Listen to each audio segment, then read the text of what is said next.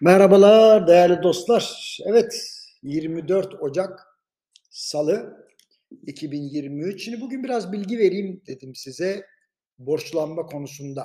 Şimdi kamu borcuna nasıl bakacağız? Şimdi ülkelerin borcuyla alakalı yorum yapanlar için en temel bilgi şu.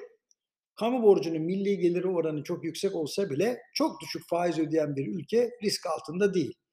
Oranı daha düşük ama çok yüksek faiz ödeyen bir ülke diğerine göre her zaman daha riskli durumda. Özetle borçluluk oranı önemli ama borcu ödenen faiz daha önemli. Bundan başka kamu kağıdının faizinin gerçeği yansıtıp yansıtmadığını anlamak için özel sektörün en iyi firmalarının borçlanma oranlarıyla kıyaslanması en doğru yaklaşım. Aradaki makas kamu borçlanması lehine fazla açılmışsa piyasa gerçeklerinden uzak işler oluyor demektir. Şimdi bu bilgilerle borçlanma oranlarına bir kez daha bakalım. Amerika Birleşik Devletleri'nin kamu borcu 31 trilyon dolarlık limite yaklaştı. Bu haliyle 22 trilyon doların biraz üzerinde olan milli geliri epey geride bıraktı. Aslında gelişmiş kamu borçları yani gelişmiş ülkelerin kamu borçları toplamda milli gelirlerin üzerinde seyrediyor. Japonya burada başı çekiyor.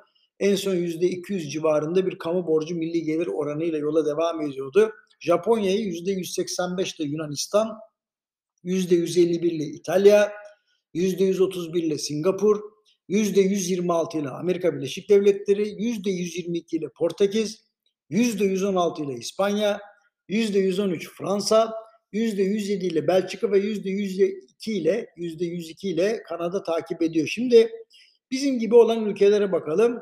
Rekortmen Sudan. Kamu borcunun milli gelir oranı %284. Böylece yıllardır e, dünya geneli milli gelire oranla borçluk sıralamasında ilk sırada yer alan Japonya'nın da önüne geçmiş. E, Sudan'ın arkasından %159 Cabo Verde, %152 Eritre, %134 Bhutan, e, Mısır'da %94, Brezilya'da 92, Hindistan'da 87, Çin'de %78, Macaristan'da %76.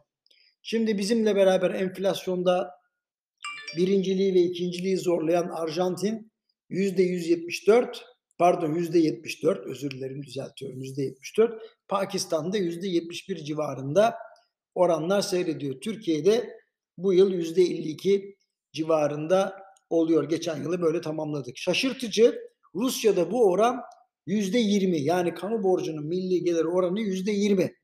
Açıkçası başı dertte olmasına rağmen Rusya'nın birçok parametresi gelişmekte olan ülkelerden e, daha iyi durumda. Belki de Putin'in kamu maliyesine ordusundan daha fazla güvendiğini söyleyebiliriz. Manzaraya bakılınca öyle gözüküyor. Efendim hoşçakalın diyorum. Yarın görüşmek üzere.